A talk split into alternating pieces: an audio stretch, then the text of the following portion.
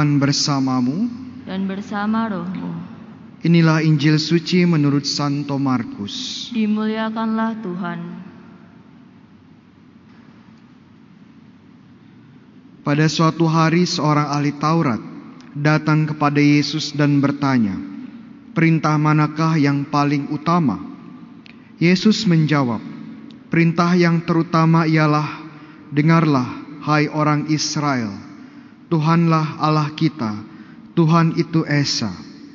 Kasihlah Tuhan Allahmu dengan segenap hatimu, dengan segenap ini."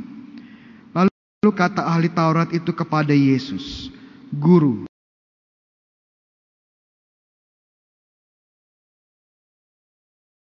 tepat sekali apa yang kau katakan, bahwa Allah itu Esa dan tidak ada yang lain kecuali Dia. Memang mengasihi Dia dengan segenap hati, dengan segenap pengertian, dan dengan segenap kekuatan serta mengasihi sesama manusia seperti diri sendiri jauh lebih utama dari semua kurban bakaran dan kurban lainnya. Yesus melihat bagaimana orang itu menjawab dengan bijaksana. Lalu ia berkata, "Engkau tidak jauh dari kerajaan Allah." Sudah itu, tidak seorang pun berani lagi menanyakan sesuatu kepada Yesus. Demikianlah sabda Tuhan. Terpujilah Kristus.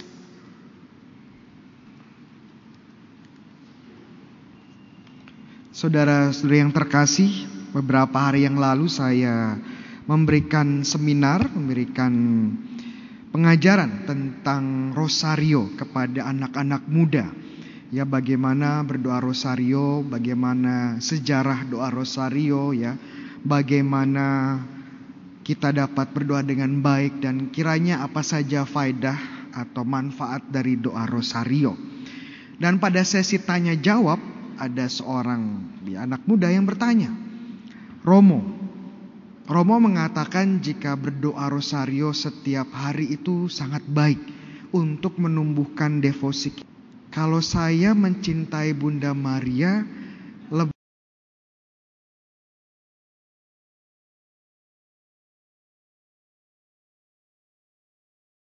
lebih dari Yesus bagaimana? Wah, susah pertanyaannya. Pisang satu. Ya. Jawaban saya sederhana waktu itu ya. Jawaban pertama saya yang keluar pada waktu itu bahwa kalau kita mencintai Yesus, ya kita mencintai Yesus harus lebih dari segalanya. Lebih dari Bunda Maria, lebih dari Santo Yusuf ya, lebih dari apa pun juga. Itu jawaban pertama saya ya. Dan saya pikir itu jawaban yang benar. Tapi kemudian setelah selesai acara, kemudian saya merenungkan lagi, saya merasa jawaban saya ini kurang tepat. Saya merasa jawaban saya ini ada yang salah. Kenapa? Karena kalau kita lihat implikasinya, kalau saya berdoa rosario setiap hari, bahkan berdoa rosario dua tiga kali dalam satu hari, Tentunya ini menunjukkan kasih sayang besar kepada Bunda Maria. Apakah ini berarti saya lebih mengasihi Bunda Maria daripada Yesus? Kalau begitu saya harus mengurangi dong doa rosario saya. Saya dong, saya harus mengurangi devosi-devosi saya kepada Bunda Maria, kepada Santo Yusuf, fokus kepada Yesus yang utama. Itu konsekuensi kalau saya bilang seperti hanya Yesus yang boleh dicintai, hanya Yesus yang lebih utama dari segalanya. Dan konsekuensinya yang lebih parah lagi bahwa buat apa mencintai Bunda Maria? Yang utama kan mencintai Yesus. Buat apa menghormati Santo Yusuf, Bapak angkat dari Yesus? Yang penting saya mencintai Yesus. Buat apa melayani gereja? Yang penting saya fokus sama Yesus. Susah kan jawabannya? Tapi sebenarnya kalau saya lihat lebih dalam, logikanya sepertinya agak yang salah. Karena saya juga bisa mengaplikasikan logika ini dalam kehidupan sehari-hari. Saya nggak boleh mencintai ya seorang suami, saya tidak boleh mencintai istri saya secara total. Kenapa? Kalau saya mencintai istri saya secara total, berarti saya tidak mencintai total Yesus. Saya nggak boleh seorang ibu, saya nggak boleh melayani anak-anak saya, merawat anak-anak saya secara penuh. Kalau begitu, kalau saya mengasihi anak-anak saya secara penuh, berarti saya tidak mengasihi Yesus secara penuh. Atau seorang Romo, saya nggak boleh melayani umat saya secara penuh dengan dedikasi. Nanti Yesus tersaingi. Romo-romo hari Minggu ada jadwal misa. Misalnya dua kali karena umatnya banyak ya. Romonya bilang nggak mau, sekali saja. Yang kedua untuk Yesus, yang ketiga hanya untuk Yesus. Wah, parah. Romo, ya. Ada perminyakan emergensi. Nggak mau. Hari ini saya waktunya adorasi dan meditasi untuk Yesus. Waduh, celaka. Jadi ternyata logika seperti ini sedikit ada errornya. Bahwa logika seperti ini ternyata tidak benar. Ya. Bagaimana lo menjawab pertanyaan tadi? Ya. Pertanyaan yang sebenarnya sangat sulit dijawab. Apakah kalau kita mencintai Bunda Maria berarti kita tidak mencintai Yesus atau cinta kepada Yesus itu berkurang? Jawabannya sebenarnya Yesus berikan sendiri hari ini. Hari ini kita dengar Injil yang sangat indah tentang hukum yang utama, tentang perintah yang pertama dan utama. Ya kita tahu semua ya, sering dengar ini. Kasihlah Tuhan Allahmu dengan segenap hati, dengan segenap pikiran, dengan segenap jiwa, dengan segenap kekuatan. Tapi Tuhan Yesus tidak berhenti di situ. Ada perintah kedua yang dia bilang. Perintah keduanya apa?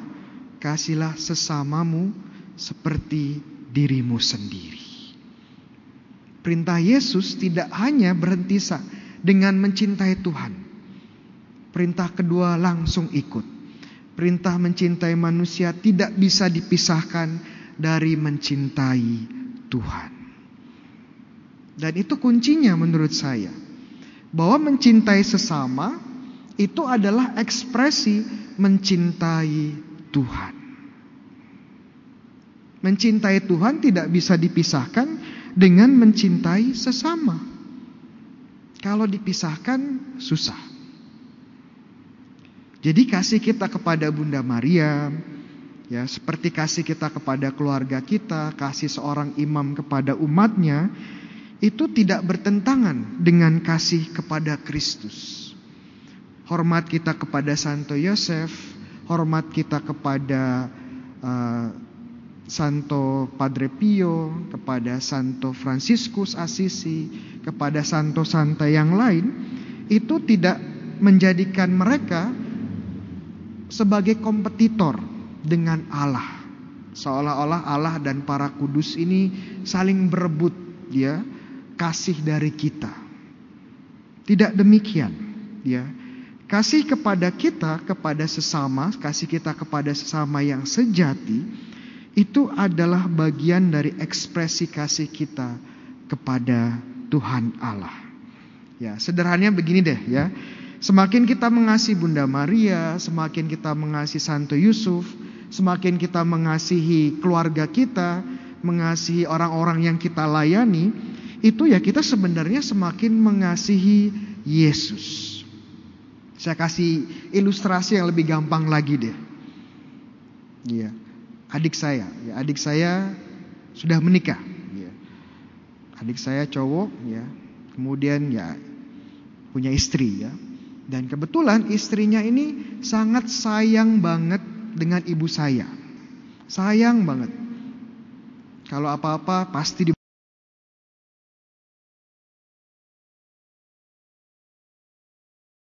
dibantu. Kalau apa-apa pasti disupport. Ya. Apakah adik saya akan bilang sama istrinya, kamu ngapain sih? Cinta kamu berlebihan sama ibu saya? Support kamu berlebihan sama ibu saya?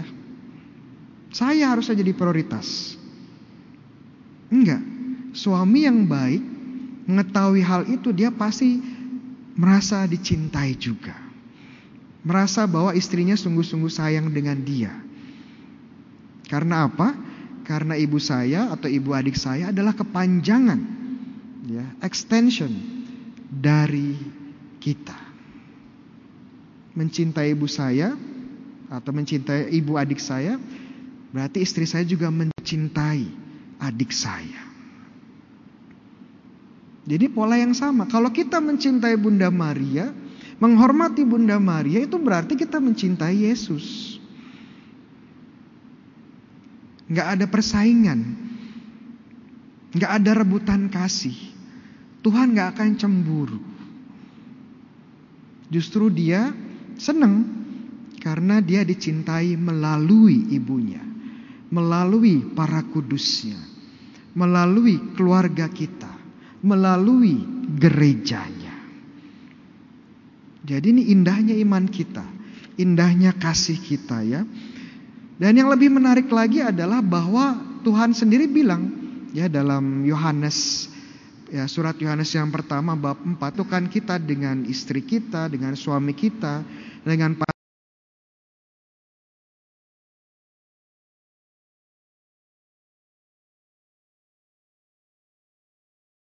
pasangan kita, dengan keluarga kita, dengan orang-orang yang kita layani adalah Kristus sendiri, adalah Allah sendiri.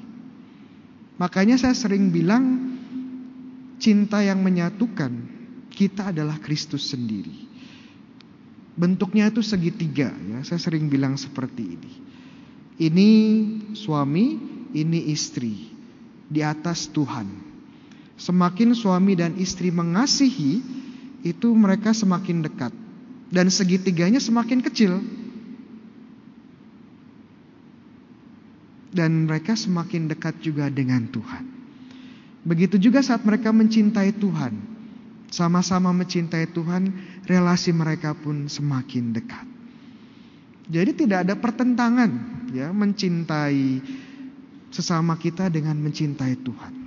Justru kita harus mencintai Tuhan di dalam sesama kita. Oke, sekarang mungkin bagaimana sih Romo tips-tips praktisnya supaya prinsip ini bisa ditetapkan atau bisa dijalankan dalam kehidupan sehari-hari ya. Nah, memang ada kondisi-kondisi antara mencintai Tuhan dan mencintai sesuatu itu bertentangan ya. Contohnya mencintai negara. Saya kasih satu contoh ya. Uh, nama seorang santo namanya Thomas More ya. Dia seorang uh, seorang hamba raja ya, seorang yang melayani Raja Inggris pada abad ke-16. Ya, dia mempersembahkan hidupnya secara penuh dedikasi untuk melayani sang raja dan juga untuk melayani negaranya. Tetapi sayangnya ya Henry ke-8 dia akhirnya memutuskan ya pisah dari gereja Katolik. Dan semua ya warga negara kerajaan Inggris pada waktu itu harus meninggalkan gereja Katolik Roma.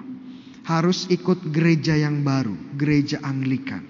Kalau tidak mau akan disiksa, kalau tidak mau akan dieksekusi. Ini pilihan yang sangat sulit. Thomas More mencintai rajanya, mencintai negaranya.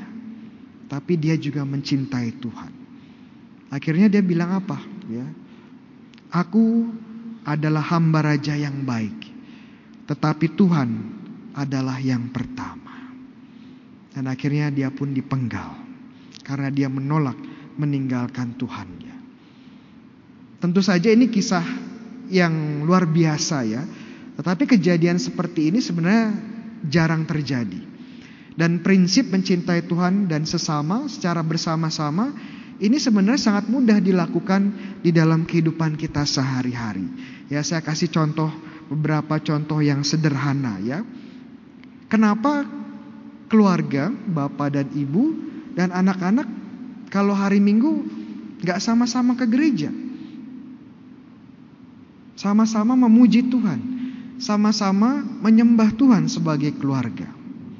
Keluarganya satu, Tuhannya sama dipuji. Atau yang lebih sederhana lagi, saat kita pergi ke gereja dengan keluarga, ya, apa yang teman-teman lakukan saat pergi ke gereja? Biasanya bapaknya nyetir terus dia komplain, wah ini macet, ya, ini kok lampunya lampu merahnya lama banget, ya. Atau ibunya ya sibuk make up, sibuk dandan, ya anaknya mainan HP entah TikTok kan, entah main PUBG atau yang lain nggak jelas ya. Kenapa nggak sama-sama berdoa rosario di perjalanan? Sehingga nyampai ya, nyampai gereja semua sudah siap hatinya untuk menyambut Yesus. Ya. Atau pasangan muda, suami istri yang baru saja menikah, saya selalu pesan, setiap malam kalian berdoa bersama-sama. Ungkapkan ya dengan kata-kata. Sehingga saling mendengar. Tuhan terima kasih suami saya hari ini ganteng sekali. Tuhan terima kasih istri saya hari ini cantik luar biasa. Atau kalau ada kesulitan pun dibawa dalam doa.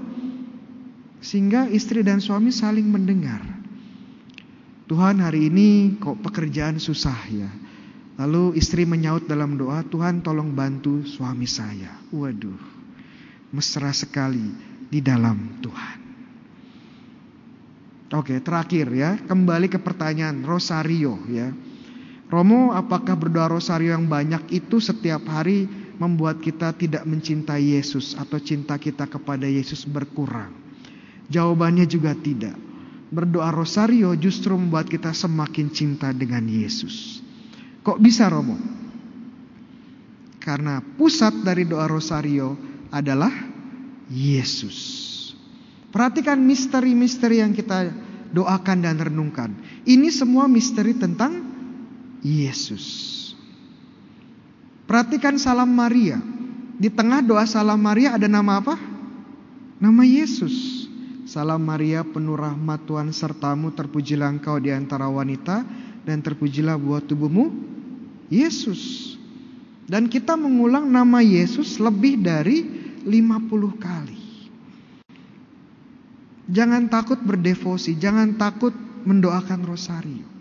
Karena pusat dari doa rosario adalah Yesus. Semakin dekat kita dengan Sang Ibu, Bunda Maria, jangan khawatir. Bunda Maria pasti bawa kita lebih dekat lagi dengan Yesus. Sahabat-sahabat, mencintai sesama, mencintai Tuhan. Amin. Tuhan bersamamu dan bersama rohmu. Inilah Injil suci menurut Santo Markus. Dimuliakanlah Tuhan. Pada suatu hari seorang ahli Taurat datang kepada Yesus dan bertanya, "Perintah manakah yang paling utama?" Yesus menjawab, "Perintah yang terutama ialah: Dengarlah hai orang Israel, Tuhanlah Allah kita. Tuhan itu Esa. Kasihilah Tuhan Allahmu dengan segenap hatimu, dengan segenap jiwamu, dengan segenap akal budimu." Dan dengan segenap kekuatanmu. Perintah yang kedua ialah kasihlah sesama manusia seperti dirimu sendiri. Tidak ada perintah lain yang lebih utama daripada kedua perintah ini.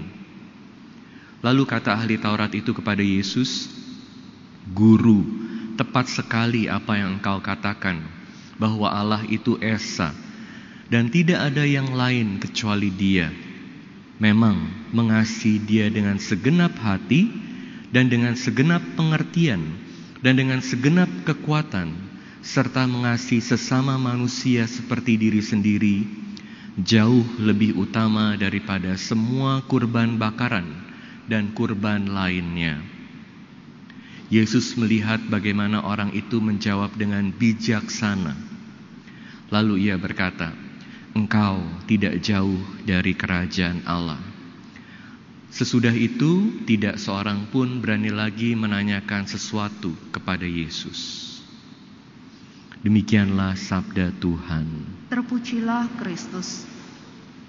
Kasihilah Tuhan Allahmu dengan segenap jiwamu, hatimu, akal budimu, dan kekuatanmu, dan kasihilah sesamamu manusia seperti dirimu sendiri. Hari ini kita diingatkan dengan oleh bacaan Injil, bacaan pertama, bagaimana kita dalam hidup sehari-hari apa yang harus kita lakukan mengasihi Tuhan dan mengasihi sesama. Saya mau mengajak Anda untuk melihat perintah ini lebih dalam lagi. Pertama, mari kita melihat siapa yang memberi perintah. Kedua, apa artinya perintah mengasihi Tuhan dan ketiga mengasihi sesama. Pertama, mari kita lihat siapa yang memberi perintah. Ingat, yang memberi perintah ini adalah Allah sendiri. Penting untuk kita ingat, ini adalah perintah dari Allah. Kalau saya mendengarkan pengakuan dosa, saya senang sekali kalau dengerin pengakuan dosa anak-anak kecil karena mereka ini apalagi yang baru terima komuni pertama masih kecil-kecil ya dosanya itu masih gak berat dan sering kali anak-anak ini bilang Romo dosa saya adalah melawan perintah mama melawan perintah papa jarang sekali yang bilang melawan perintah Romo ya melawan perintah papa dan mama jadi saya tanya sama mereka Papa mama kamu sayang nggak sama kamu? Yang kasih kamu makan siapa? Yang kasih kamu tempat tidur siapa? Yang sekolahin kamu siapa? Papa mama kan? Jadi papa mama mencintai kamu gak? Iya Romo, papa mama mencintai saya. Kamu yakin gak papa mama mencintai kamu? Yakin Romo. Jadi kalau papa mama kasih perintah, itu buat siapa? Buat papa mama atau buat kamu? Buat saya Romo. Jadi kalau kamu udah tahu yang memberi perintah adalah papa mama yang mencintai kamu, yang selalu mau yang terbaik buat kamu. Kenapa kamu gak ikutin? Kenapa kamu masih lawan perintah mereka? Jadi kita harus belajar mendengarkan perintah papa mama demi kebaikan kita sendiri. Sama dengan perintah hari ini. Kalau Tuhan memberikan kepada kita perintah untuk mengasihi Tuhan dan mengasihi sesama, kabar gembiranya adalah perintah ini diberikan demi kebaikan kita. Jadi kita harus belajar ikutin apa pun konsekuensinya, apa pun bayarannya, harus selalu berusaha mencintai Tuhan dan sesama. Apa artinya mencintai Tuhan?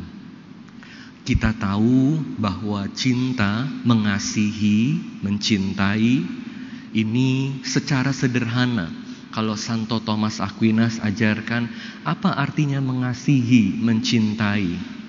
Benevolence artinya menginginkan yang baik buat yang kita cintai.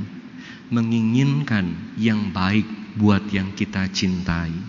Jadi pertanyaan sederhana, kalau kita mau mencintai seseorang, mencintai Tuhan, kita harus selalu tanya, apa ya yang baik buat dia, bukan pertama-tama buat aku.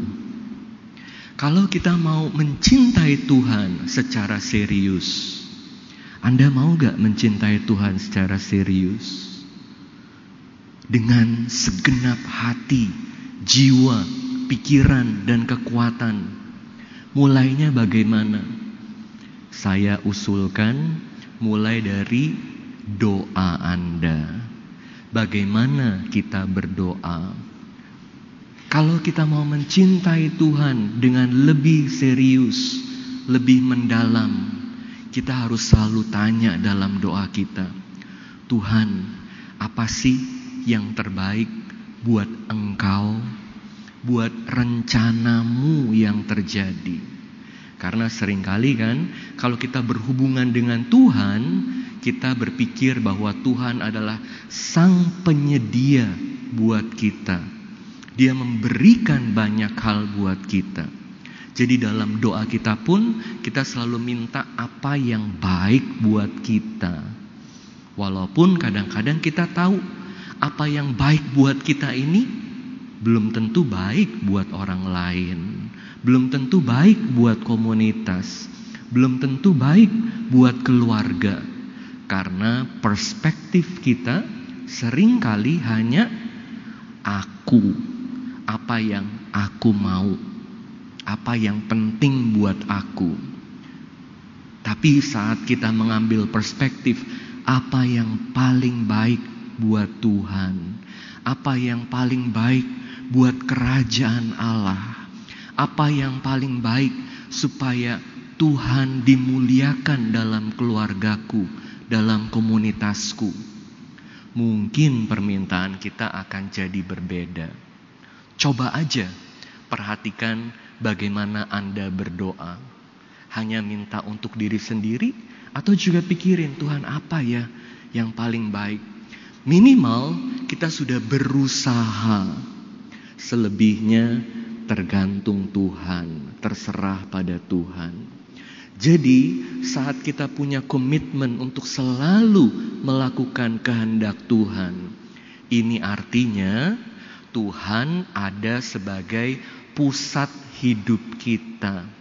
Kalau Tuhan menjadi pusat dalam hidup kita, dan ini yang selalu kita kejar, selalu berusaha membangun relasi dengan Tuhan, selalu berusaha menyenangkan hati Tuhan, memuliakan Tuhan, pasti hidup kita juga punya kualitas yang berbeda, dan itu yang Tuhan mau. Kalau Tuhan kasih perintah kepada kita, itu bukan supaya Tuhan jadi lebih hebat, supaya Tuhan jadi lebih berkuasa. Dia udah yang paling hebat, yang paling berkuasa. Kalau Tuhan minta kita, perintahkan kepada kita untuk mencintai Dia, itu bukan demi Tuhan, itu demi kita yang dia cintai. Kenapa? Prinsipnya adalah semakin kita mencintai Tuhan, semakin kita bersatu dengan Tuhan, semakin Tuhan bisa membagikan rahmatnya kepada kita, membagikan kebaikannya kepada kita. Jadi yang untung siapa? kita. Tapi kenapa Tuhan berikan perintah ini? Tuhan berikan perintah ini pertama-tama karena Tuhan mencintai kita. Tapi kenapa kita sering langgar perintah ini? Karena kita seperti anak kecil yang cuma mau ikutin maunya aku. Kita lupa bahwa semakin kita dekat sama Tuhan, semakin juga rahmat Tuhan hidup dalam kita semakin kita bisa mengasihi, bahkan merasakan kasih Tuhan dalam hidup kita, dan semakin kehendak Tuhan yang terjadi. Maka harus selalu tanya, Tuhan, apa ya yang paling baik buat kerajaanmu hadir dalam keluargaku, kerajaanmu hadir dalam hidupku, kerajaanmu hadir dalam gereja, paroki, lingkungan, wilayah. Selalu tanya pertanyaan itu. Tuhan juga akan berikan pencerahan supaya kita bisa tahu apa yang kita perlu lakukan. Dan tentu yang ketiga, mencintai Tuhan tidak pernah bisa dipisahkan dari mencintai sesama. Karena apa? Karena Tuhan adalah Bapa yang adil yang mencintai semua orang. Makanya Tuhan bilang, "Cintailah musuhmu." Waduh. Cintailah sainganmu. Waduh ini udah paling susah kan? Gimana ini mencintai sesama? Mencintai sainganku. Aku mau jadi paling hebat. Tuhan jangan berkati dia. Karena kalau engkau berkati dia, ini artinya aku kurang berkatnya. Tapi kan kita harus ingat bahwa Tuhan mencintai semua orang. Tuhan mencintai pendosa gak? Pasti. Tuhan mau gak berikan kesempatan kepada pendosa untuk jadi lebih baik? Pasti. Tuhan mau gak berikan masa depan yang cerah buat orang yang masa lalunya gelap? Pasti. Kita semua, siapa pun kita, dicintai Tuhan. Makanya, kalau kita mau ikut serta dalam kerajaan Allah, dalam karya Tuhan, itu artinya kita harus mencintai sesama dengan lebih serius lagi. Mencintai Tuhan tidak pernah bisa dipisahkan dari mencintai sesama. Romo, tapi mencintai suami saya itu susah sekali. Dia ini sangat-sangat nyebelin, bencekno, mau-maunya sendiri. Tapi Romo, mencintai istri saya itu susah sekali. Saya pulang kerja, dari kerja udah capek-capek buat keluarga, tapi pulang ke rumah istri saya ributnya soal minta duit terus, minta duit, mau belanja ini, belanja itu. Maunya yang keren-keren. Sementara saya capek kerja, dia enak-enakan Romo. Dan sebagainya. Mencintai jadi susah sekali. Gimana tuh? Belum lagi kalau ada ketidaksetiaan. Yesus bilang, memaafkan. Ya Romo sih enak, Romo kan gak punya istri. Jadi bisa khotbah tentang memaafkan. Tapi saya yang jalanin. Mencintai istri yang tidak setia. Gimana memaafkan? Apakah saya harus menjadi budak cinta? Kalau anak-anak muda bilang budak cinta. Saya juga gak ngerti dulu apa tuh artinya budak cinta. Tapi anak-anak muda bilang menjadi budak cinta. Lakukan apa pun karena mencintai. Apakah kita harus demikian? Tentu kita harus mencintai sekuat tenaga. Tapi apakah kita perlu menjadi budak cinta? Kita akan menjadi budak cinta hanya kalau kita mencintai tidak dengan tulus. Artinya mencintai untuk mengharapkan dapat balasannya. Kadang-kadang kita capek sendiri. Kapan dapat balasannya?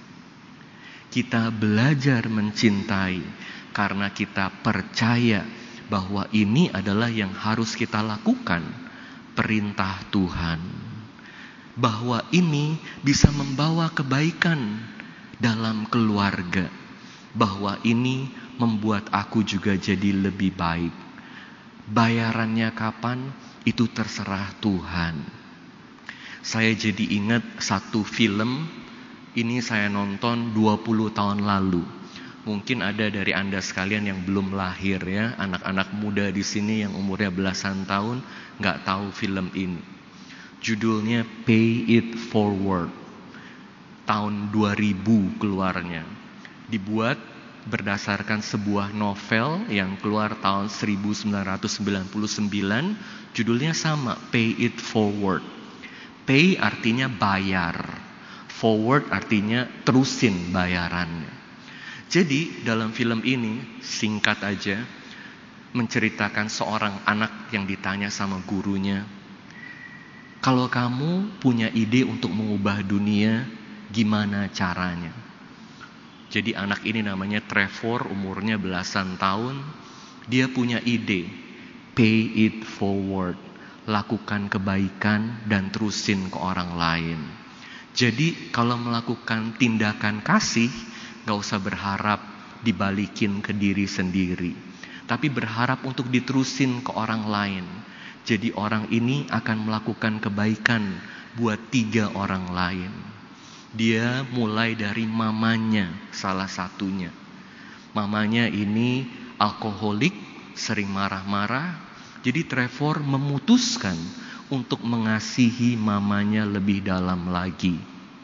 Jadi setiap kali mamanya mau minum, dia cegah, alkoholnya dia buang, dia tumpahin, dan dia selalu ekspresikan bagaimana dia mengasihi mamanya. Mamanya merasakan kasih dari Trevor, dan mamanya bilang, terima kasih sudah mengasihi mama.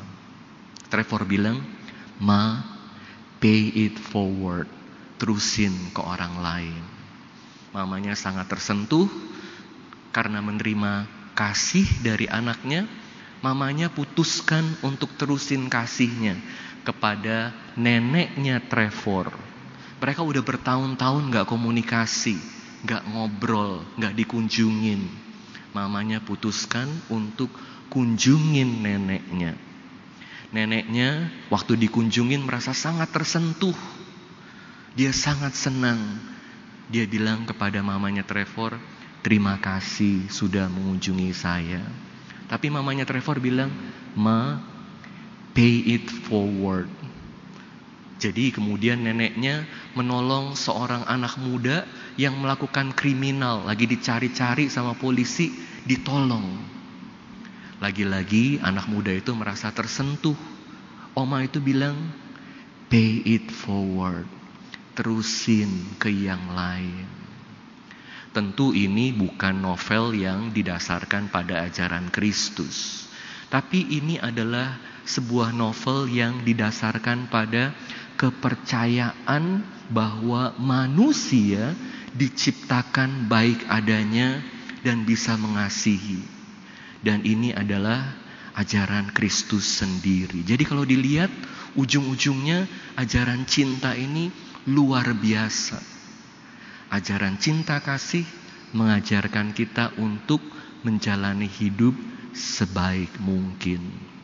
Jadi kalau ditanya, hidup ini buat apa sih?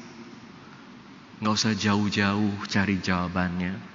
Apa perintah Yesus yang paling penting?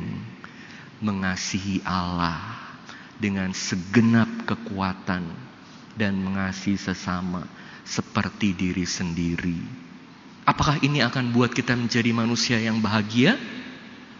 Santo Dominikus, pendiri Ordo Dominikan, itu dikenal sebagai pewarta kabar gembira dan saudara yang dipenuhi dengan sukacita kalau dipikir-pikir, hidupnya Santo Dominikus itu berat dan sangat bahaya.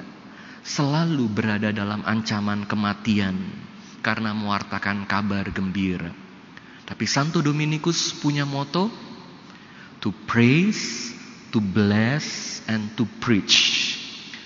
Memuji Tuhan, memberkati sesama dan membagikan kabar gembira pada sesama. To praise, to bless and to preach. Jadi sebagai pusat dari hidup Santo Dominikus adalah Kristus sendiri, Allah sendiri. Itu kuncinya kenapa Santo Dominikus jadi seorang yang selalu dipenuhi dengan sukacita. Bukan berarti hidupnya selalu baik, terjadi sesuai dengan kehendaknya, tapi dia selalu dipenuhi dengan sukacita karena Allah menjadi pusat dalam hidupnya. Kasihlah Tuhan dengan segenap kekuatanmu dan sesama seperti dirimu sendiri.